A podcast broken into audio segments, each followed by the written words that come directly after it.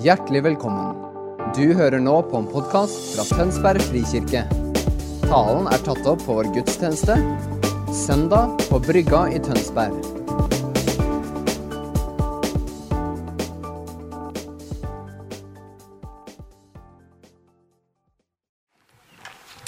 Vi skal snakke om, eller jeg skal vel snakke mest om, skapt i Kristus til gode gjerninger. Godhetsuka venter jo på oss. Det er uke 19. Det går fort dit. Det er i begynnelsen av mai. Og det er, en, det er en fast ting, en del av vårt årshjul, som eh, da er vi hele uka. Så all møtevirksomhet og avtaler som det er satt på vent for at vi skal gå ut i byen og hjelpe til eh, med praktisk arbeid, og at godhet skal få et fysisk og praktisk uttrykk. Så det er i uke 19. Så hvis du ikke har vært med på det før, så er du ekstra velkommen til å være med. Og det er vi som har vært med før, vi er jo selvfølgelig også velkommen til å være med. Så bare sett av setter vi i kalenderen allerede. Dytt mikrofonen litt ned. Kanskje jeg må ha hjelp.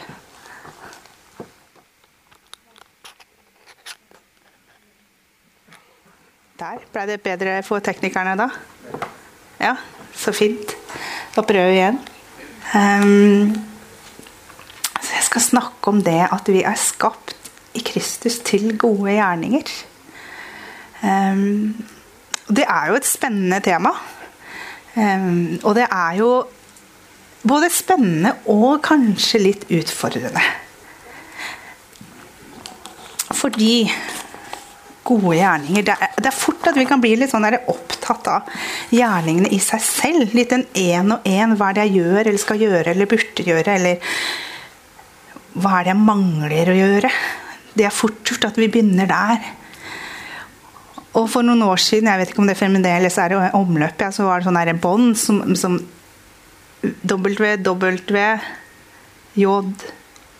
D What would Jesus do? Det var en liten sånn farsott som, som, gikk for noen år siden. Eh, og den er jo helt fantastisk. Når vi har det her, så minner det oss om eh, når vi er i situasjonen, og vi er i hverdagen vår, hva ville Jesus ha gjort? Utfordringen her, det er jo det at det, den her sitter jo i en Det her er jo et større kontekst. Våre gode gjerninger er ikke bare gode gjerninger enkeltvis.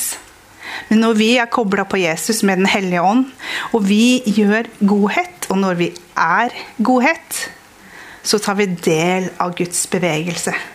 Godhetsbevegelse som Gud har holdt på siden tidenes morgen. Vi går i, i første Mosebok, ved skapelsen. Ikke sant? Han skapte alt og sa at det var såre godt, det var såre vel. Eh, skapte han mennesket, han skapte alt. Det skapte dyr og planter og trær. Og to trær spesielt. Eh, livets tre og kunnskapens tre om godt og vondt. Så kjenner vi flest av oss den historien om syndefall og hvor liksom konsekvensene og hvor liksom fælt dette blei. Og så kan vi fort drukne litt i de detaljene. Så misser vi ut alt det gode Gud gjør. Nettopp i disse, disse versene. Når Gud har skapt alt perfekt, så kommer syndefallet. Og så kommer konsekvensene. Men så ser vi også hvordan Gud handler med godhet. Han eh, for det første advarer Adam og Eva. Ikke spis av dette her. Det er ikke bra for deg. Skille mellom godt og vondt, avgjøre hva som er godt og vondt, det er altfor mye ansvar for dere. Jeg sier dere, ikke gjør det. Det er Guds beskyttelse. Og så skjer jo det, det som skjer. Og så gjemmer Adam og Eva seg, og så kommer Gud med sin godhet og sier, 'Hei, hvor er du?' Ikke gjem deg. Jeg ser deg, jeg vil ha fellesskap med deg. Altså, husk at det her var etter syndefallet. Hvor Gud fremdeles sier at 'jeg vil være sammen med deg'. Jeg vil være den jeg var, også før syndefallet. Og så leser vi at, eh, at de hadde jo hatt fikenblader på seg. De hadde gjemt seg, og så gir Gud de skinnfeller. Han dekker over de i sin skam. Og så jager han de ut av hagen. Og det høres jo ganske brutalt ut. Men det var for at de ikke Det står at de ikke skulle ha tilgang til livets tre. Sånn at konsekvensene av synden ville ha en evig eh, konsekvens.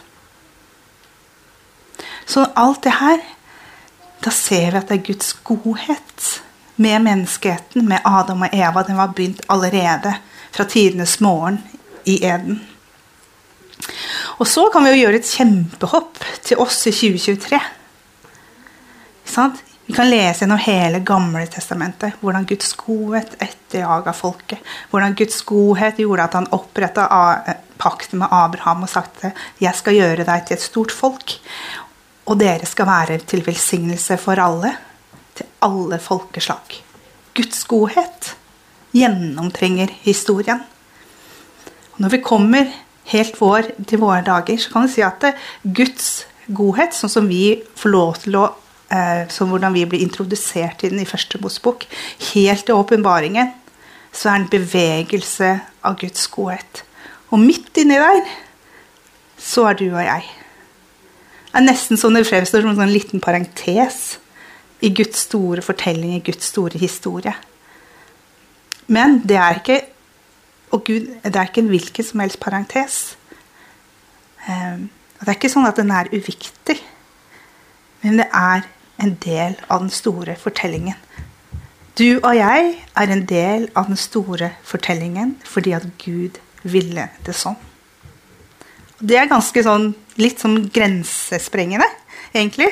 At mitt lille liv skal liksom ha så stor betydning.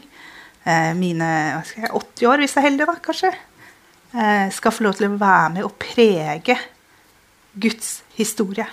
Verdenshistorien får jeg lov til å være med, får vi lov til å være med og gi et avtrykk på. Guds godhet uttrykt gjennom oss. Så har jeg en dag en, eh, tatt med meg Romerne 12.1-2. Og der står det Derfor formaner jeg dere ved Guds barmhjertighet, søsken. Bær kroppen fram som et levende og hellig offer til glede for Gud. Det skal være deres åndelige gudstjeneste. Og innrett dere ikke etter denne nåværende, nåværende verden, men la dere forvandle ved at sinnet fornyes, så dere kan dømme om hva som er Guds vilje, det gode, det som er til glede for Gud, det fullkomne. Jeg syns det er interessant hvordan Paulus her trekker sammen kropp, det åndelige og sinnet. Hvordan han trekker sammen biologi og tro. Faktisk. Sinn og kropp, tanke og handling. Det åndelige har form og kropp og er materie. For så høyt har Gud elsket verden at han ga sin sønn, osv. Hva vi gjør, hvordan vi handler, hvordan vi lever livene våre, er ikke uviktig. Og det er ikke til at Gud skal liksom stå der og dra oss litt i øra og, sånn, og passe på å følge med hva er det du driver med. Det er fordi at han ønsker at vi skal ta del i hans godhetsbevegelse i verden. Derfor er vårt liv gitt så stor verdi. Vi er skapt i hans bilde. Vi er skapt til han og for han. Og det med å sette tro om til handling, det har vi mange eksempler på. Og jeg har tatt med meg to her sånn. Så Den ene er Moder Teresa. Hun sier det. Hvordan kan jeg lære å elske min neste? Du lærer å elske de neste ved å elske de neste. Noen kjenner også kanskje til Henry Noven. Han var en katolsk prest, forfatter eh, Jeg tror han var nederlandsk eller noe.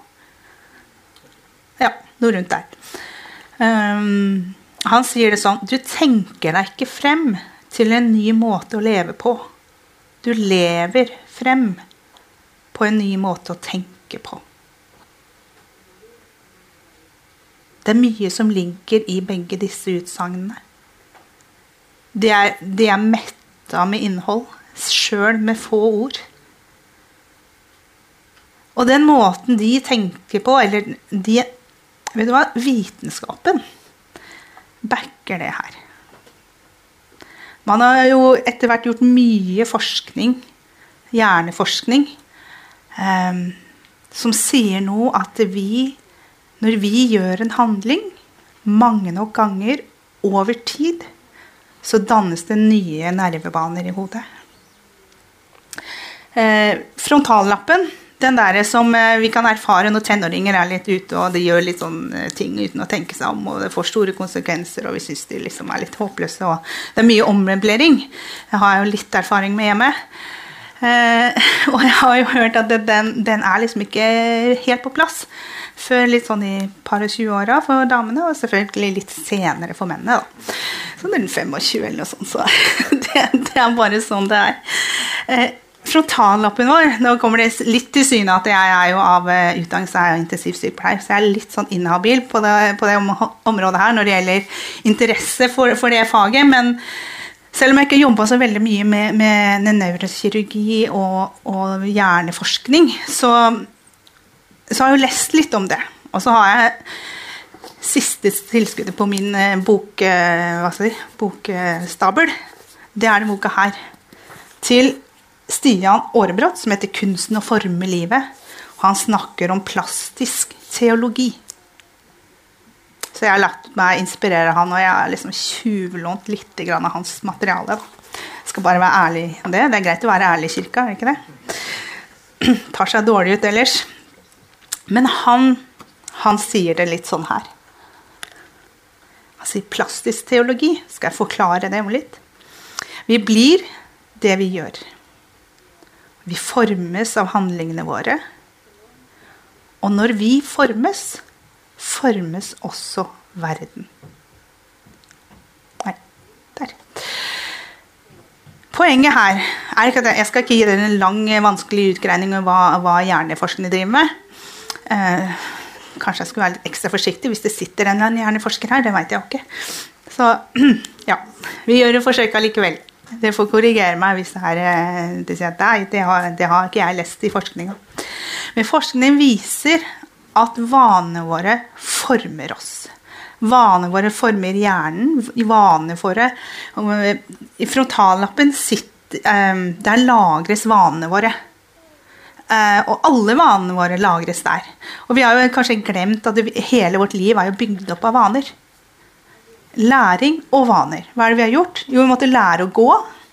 Det er veldig rart å gå i begynnelsen. Du ser liksom ettåringen sånn uh, ikke sant? Ser at det helt tydelig ikke er noe han er vant til. Det er noe man lærer.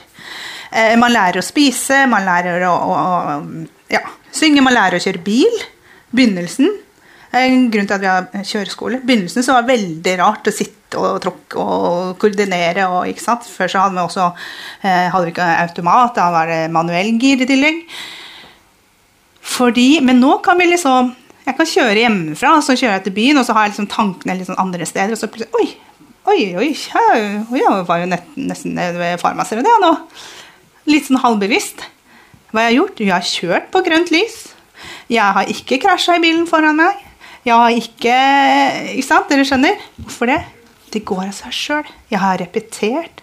Det har vært en langtidseksponering av en vane. Og når vi gjør det Så skjønner vi at det kanskje er lurt å spille på lag med hjernen. Fordi at denne godhetsbevegelsen, Guds godhetsbevegelse, kan litt som Svein Kjetil eh, var inne på. Det er veldig fint at du gir liksom teaser til, til talen min. Det liker jeg. Det kan noen ganger føles litt unaturlig. Litt rart hvis ikke vi har øvd oss på det. Hvis ikke det er blitt en vane. Ikke sant? Vanen med å være f.eks. Eh, oppmerksom på omgivelsene. Utrolig mye godhet vi kan gjøre hvis vi bare ser oss rundt i hverdagen vår. Det kan se ut som at du er på parkeringsplassen, det er snødd. Er noen som står der, og eh, ikke har det snø sånn derre du, sånn kost. Og ikke, ikke har de hansker og litt sånn tynnkledd, for de skulle kanskje på en eller annen konsert bort på Oseberghuset og har ikke kledd seg for den type ting. Ja, kan jeg jo gå bort til Hei, vil du låne den her? Eller enda bedre, vil jeg skal, jeg, skal ta hele bilen for det? Jeg har jo både lue og votter og jakke og alt. Unaturlig. Ja. Men hvis jeg gjør det mange ganger over tid, så skapes det nye. Og ikke, ikke bare skapes det nye, men de, de, etableres. Du kan tenke deg at det blir liksom sånn du skal fram i en, i jungel. Liksom. Så I begynnelsen av for å lage en vei, så må du fram med macheten, og du må liksom virkelig bane deg vei. Men etter hvert, når disse nervebanene blir etablert eh, og blir en del og har forma hjernen vår, sånn at livet formes, da blir som E18. Ikke sant? Det sier forskningen. Det backer forskningen, faktisk. Og én ting er jo de fysiske ferdighetene, hva vi kan gjøre, kjøre bil og hjelpe og, og sånne ting. Men også tanker og følelser kan vi øve oss på. Vi lever jo i en, i en tid og i et samfunn hvor det er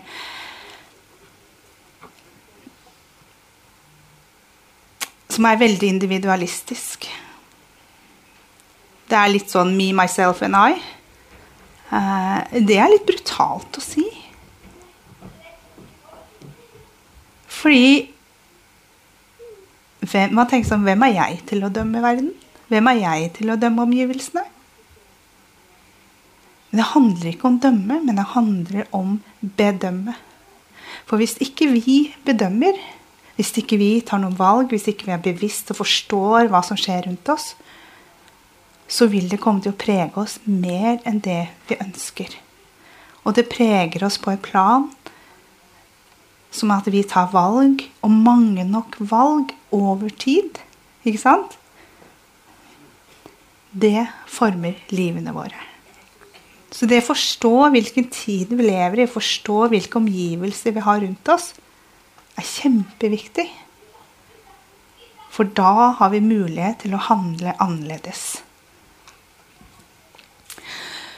F.eks. takknemlighet når vi snakker om det å, å, på en måte trene oss opp. Takknemlighet hvis du aldri har takka for noe. Da føler jeg sånn at Tusen takk. Takk skal du ha. Det var hyggelig. Eller tilgivelse. Har du aldri sagt unnskyld? Unnskyld, det var feil. Jeg gjorde feil mot deg. Og så punktum, da. Husk på det. Ikke 'jeg gjorde feil mot deg fordi at Ja, men jeg mente jo at det Ikke sant? Nei, nei. Når vi ber om unnskyldning, så kan vi si 'unnskyld'. Punktum. Og det er en øvelse. Jeg har sett mange som ikke har øvd på det, som ikke, ikke er vant til det. det da, da, da, sitter de ordene ganske, ganske langt bak. Sant? Men vi, hvis vi har gjort det noen ganger, så er det litt lettere. Så vi kan øve oss i takknemlighet, i å si unnskyld. Vi kan øve oss i å ikke bekymre oss. Bibelen er veldig klar på det. Ikke bekymre dere for morgendagen. La morgendagen være, ha nok med sin egen plage. Det er Guds godhet mot oss når Jesus sier det. Fordi bekymring lenge nok blir noe som eter oss opp på innsida, og som ødelegger livet som demper, legger en demper på, på livet vårt. Og Gud vil ikke at vi skal ha det sånn.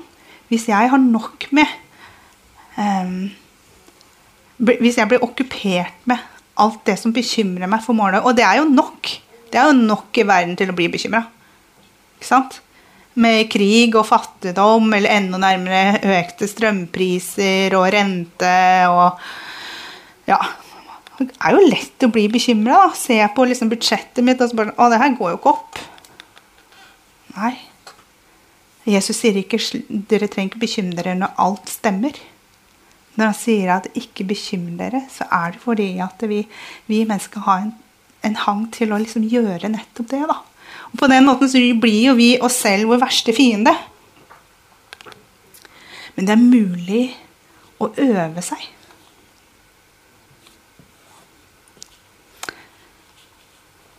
Så er det sånn når det gjelder godhet. Da. Når vi gjør godhet, når jeg, når jeg gjør en god handling, så skjer det Da er det kjemi i hjernen. Hvor det er noe som heter oksy, oksytocin, og noe som heter dopamin. Veldig sånn der fancy ord.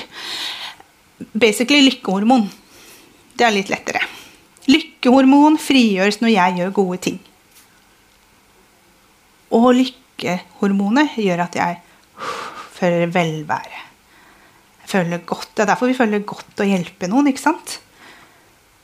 Det er, det er kjemi.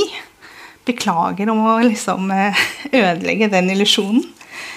Um, så nevrokunnskapen eller vitenskapen, den støtter tanken om at eh, vi kan gjøre en handling som former oss. Vi kan gjøre en godhet eh, som frigjør kjemi som vi får lyst til å gjøre enda mer.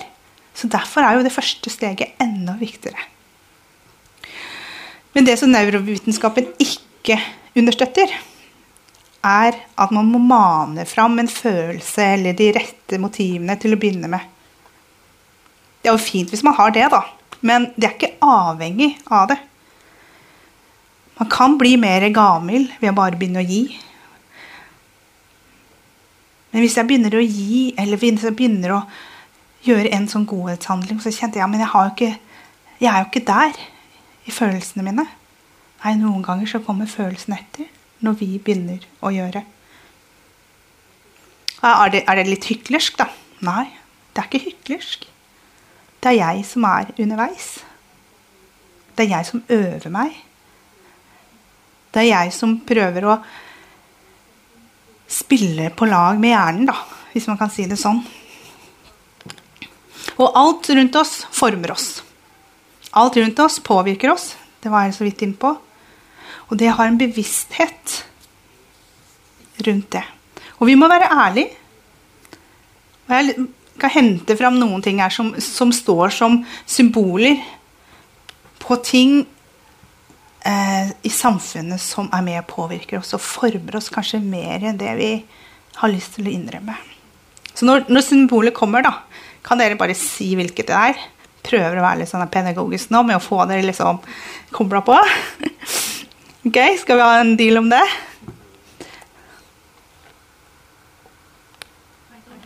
Mm -hmm. Finn? Legger dere merke til at jeg trenger jo ikke engang Geek Lunsj, ja. Pepsi.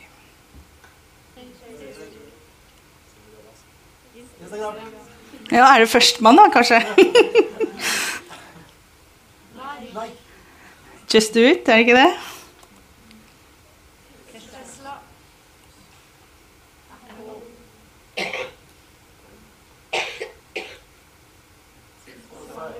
Mm.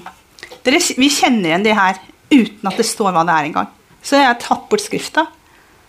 Fordi det er så en del av oss, vi, så, vi, omgir oss med det. Det er bare eksempler. Det er ikke noe gærent i deg i seg selv. Dette er bare eksempler på at vi er en kultur og et samfunn som påvirker oss, og som vi velger. Ikke minst. Sant?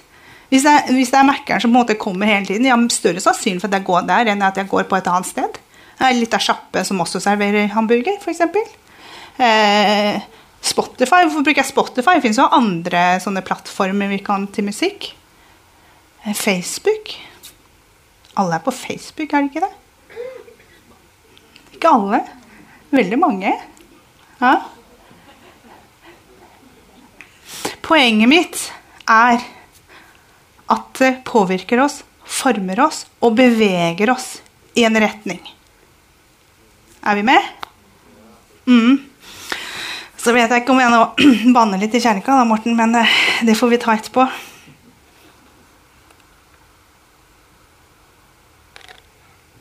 Liturgi. Hva har det med saken å gjøre? Liturgi betyr offentlig arbeid eller folkets arbeid. Det var, det var et ord som oppsto nede, nede, i Hellas uh, for en god del år siden. hvor det var, del, hvor det var pålagt eh, de rikeste i samfunnet til å finansiere ulike prosjekter for å hjelpe de andre. Okay, så det var noe som var av folket, for folket, i en retning. Ikke sant? Det her kan vi jo kalle Eller jeg har lekt litt med ord, da. kan kalle det sekulær liturgi. For det påvirker oss. Får oss til å handle i tråd med og beveger oss dit hen. Og hva skal vi gjøre da? Jeg har tatt med meg den her. Change is part of life. Life is one long series of changes. We're always changing, all of us. The only constant in life is change. When you're, uh, when you're through changing, you're through. All I said was, can't you just pick one channel and stay with it? tror han er mannen. Tror denne evige endringen er det, er det er slitsomt arbeid. Men da går jeg mot avslutning her.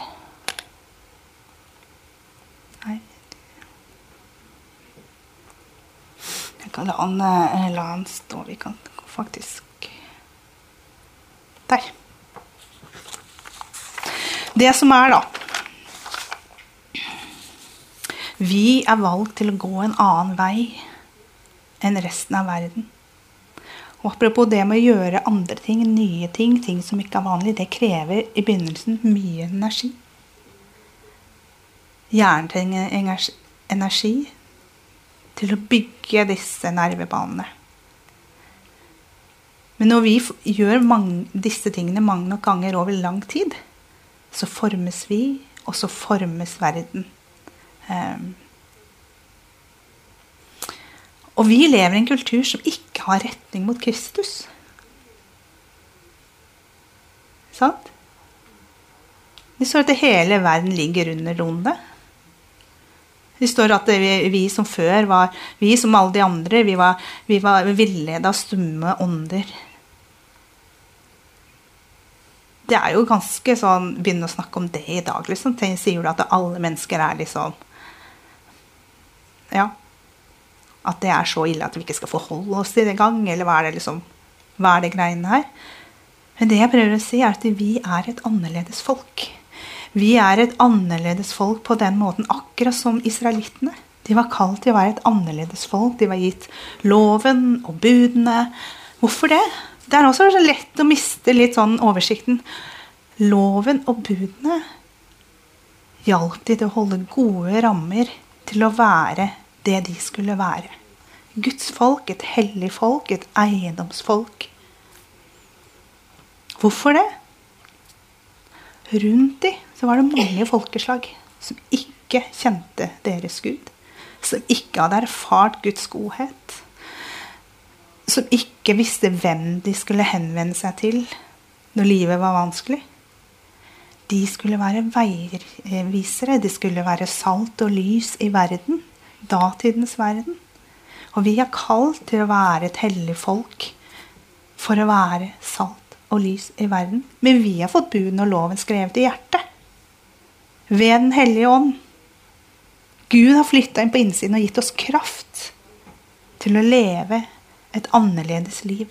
Så når vi gjør som Paulus, kombinerer tro og biologi, når vi kombinerer tanke og kropp,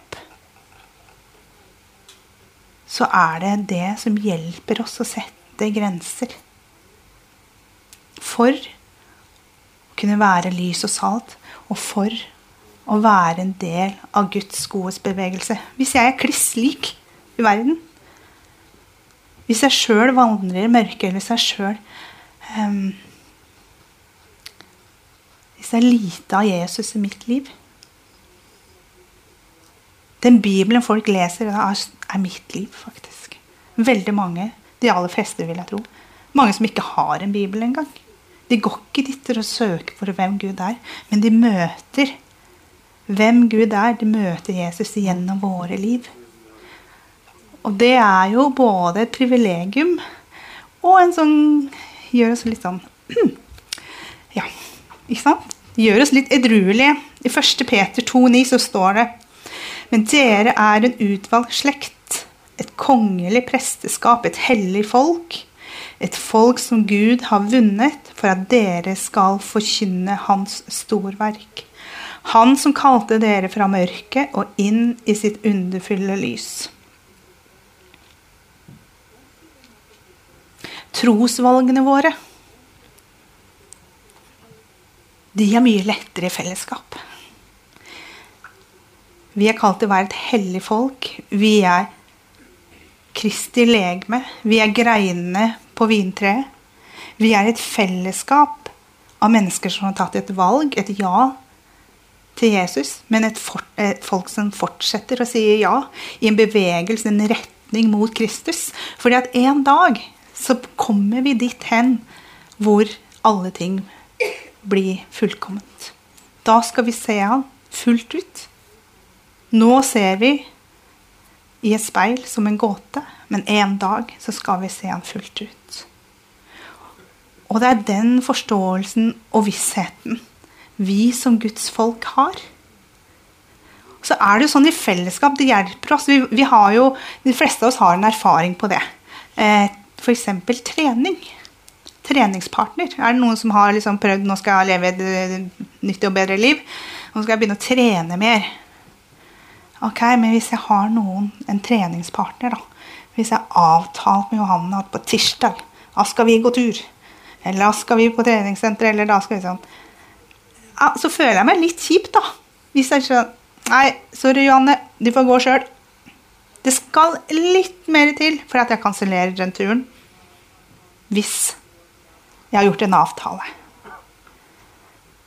Så er det jo sånn da, at i fellesskap i kirka så er det, det er det beste stedet vi kan øve oss på det å etablere vaner. og det, det liksom, Hvordan er det der med, med, godhet å invitere noen hjem eller vise godhet på en eller annen måte i praktiske hverdagen min? Ja, det beste stedet å øve er jo sammen. Fordi vi er jo et folk som vil det samme, som beveger oss i samme retning. Og har evigheten for, for øye og tar dette livet på alvor. Yolo, sier man. You only live once. Det er faktisk sant.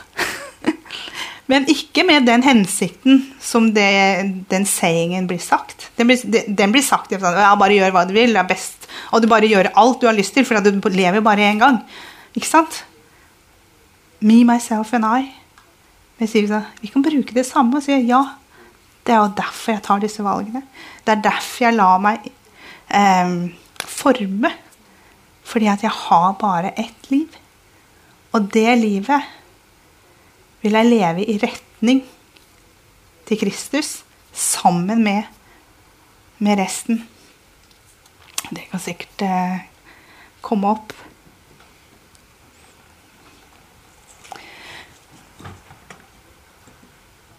Så er vi der da, noen ganger hvor vi bakster litt med dette. Med det vi holder for sant og har verdi for, og det livet vi lever. Og Da blir det ofte gap, og hva skal vi gjøre med det? Det kan være vanskelig å forholde seg til. Ehm, Paulus sier i rombrevet at eh, vi vet at loven er av ånden, mens jeg er av kjøtt og blod, solgt som slave til synden, for jeg forstår ikke selv hva jeg gjør. Det jeg vil, gjør jeg ikke, og det jeg avskyr, det gjør jeg. Så i den spenningen kommer vi til å leve så lenge vi er her på jorda. Fordi at vi aldri kommer til å nå det fullt ut. Vi kommer ikke til å være perfekte. Vi kommer ikke til å eh, komme i mål. Men det er helt greit. Vi trenger ikke å dømme oss ned eller dømme naboen ned fordi at man ikke lever alltid. av disse to størrelsene lever og komplementerer hverandre, er ett. Fordi det er en del av å være menneske å være underveis. Og det er helt greit. Og samtidig sier den samme Paulus om at følg etter meg, slik jeg følger etter Kristus. Så vi kan også være et forbilde for hverandre, hjelpe hverandre. For vi følger etter Kristus. Og da kan vi faktisk være frimodige. At se, jeg følger han. Noe av han er i mitt liv. Vi må ikke være så beskjedne og tenke at det er ingenting som Det er ikke noe spor av Jesus i meg. Ja, det, det er ikke sant. Det er ulike spor. Det ser ulikt ut.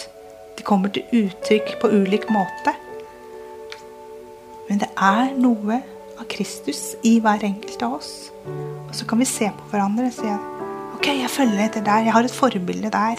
Det er noen som har gått en vei, kommet litt lenger enn meg på det området. Ok, da lærer jeg litt der, da. Så lærer jeg litt der. Og så vokser vi som fellesskap. Vi vokser i modning, i forming, til å stadig bli mer og mer lik Kristus i den veien vi går her på jorda.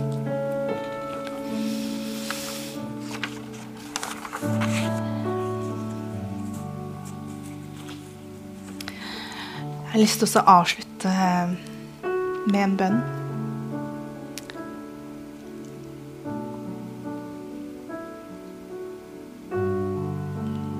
Jesus, jeg takker deg for at vi får lov til å være en del av din godhetsbevegelse her på jorda. Den tida du har gitt oss, på den måten du har tenkt. Herre, takk at vi får lov til å være grener på treet, lemmer på ditt legeme. Takk vi får lov til å være ambassadører.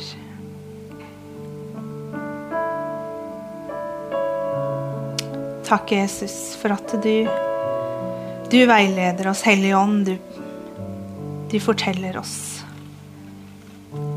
hvordan og hva kan vi gjøre som er med å forme livet. At vi dannes i ditt bilde til å bli stadig mer lik deg, Jesus. Lær oss å følge etter. Herre, så ber jeg om at du gir oss nåde i fellesskapet til å romme hverandre. Romme hverandres vandring med deg. Romme hverandres forming av deg. Herre, jeg ber om at vi skal være et folk fortsette å være et folk som be beveger seg i retning av deg. At vi skal være et folk som Et fellesskap hvor det er lett å følge etter. Takk deg for at du har satt i fellesskapet vårt så mange som, som har en del av deg. Som vi gjenkjenner deg i, og som vi kan lære av å følge etter. Takk at du former oss når vi gjør det. Herre, så ber jeg om at eh, det jeg delte da, skal få lov til å Skal få lov til å lande godt, og Hellige Ånd, blås på de jorda som er av deg. Takker deg for at vi kan ta til oss de tingene du peker på. Takk at det ikke er noen fordømmelse for den som er i Kristus. Men hos deg finner vi livet. Du er livets kilde.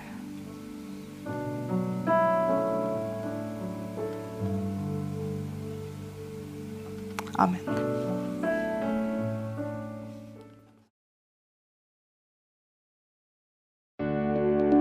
Takk for at du hørte på vår podkast. Har du spørsmål eller ønsker du å vite mer? Søk oss på vår nettside tonsbergfrikirke.no du er også velkommen til kirke på Brygga i Tønsberg.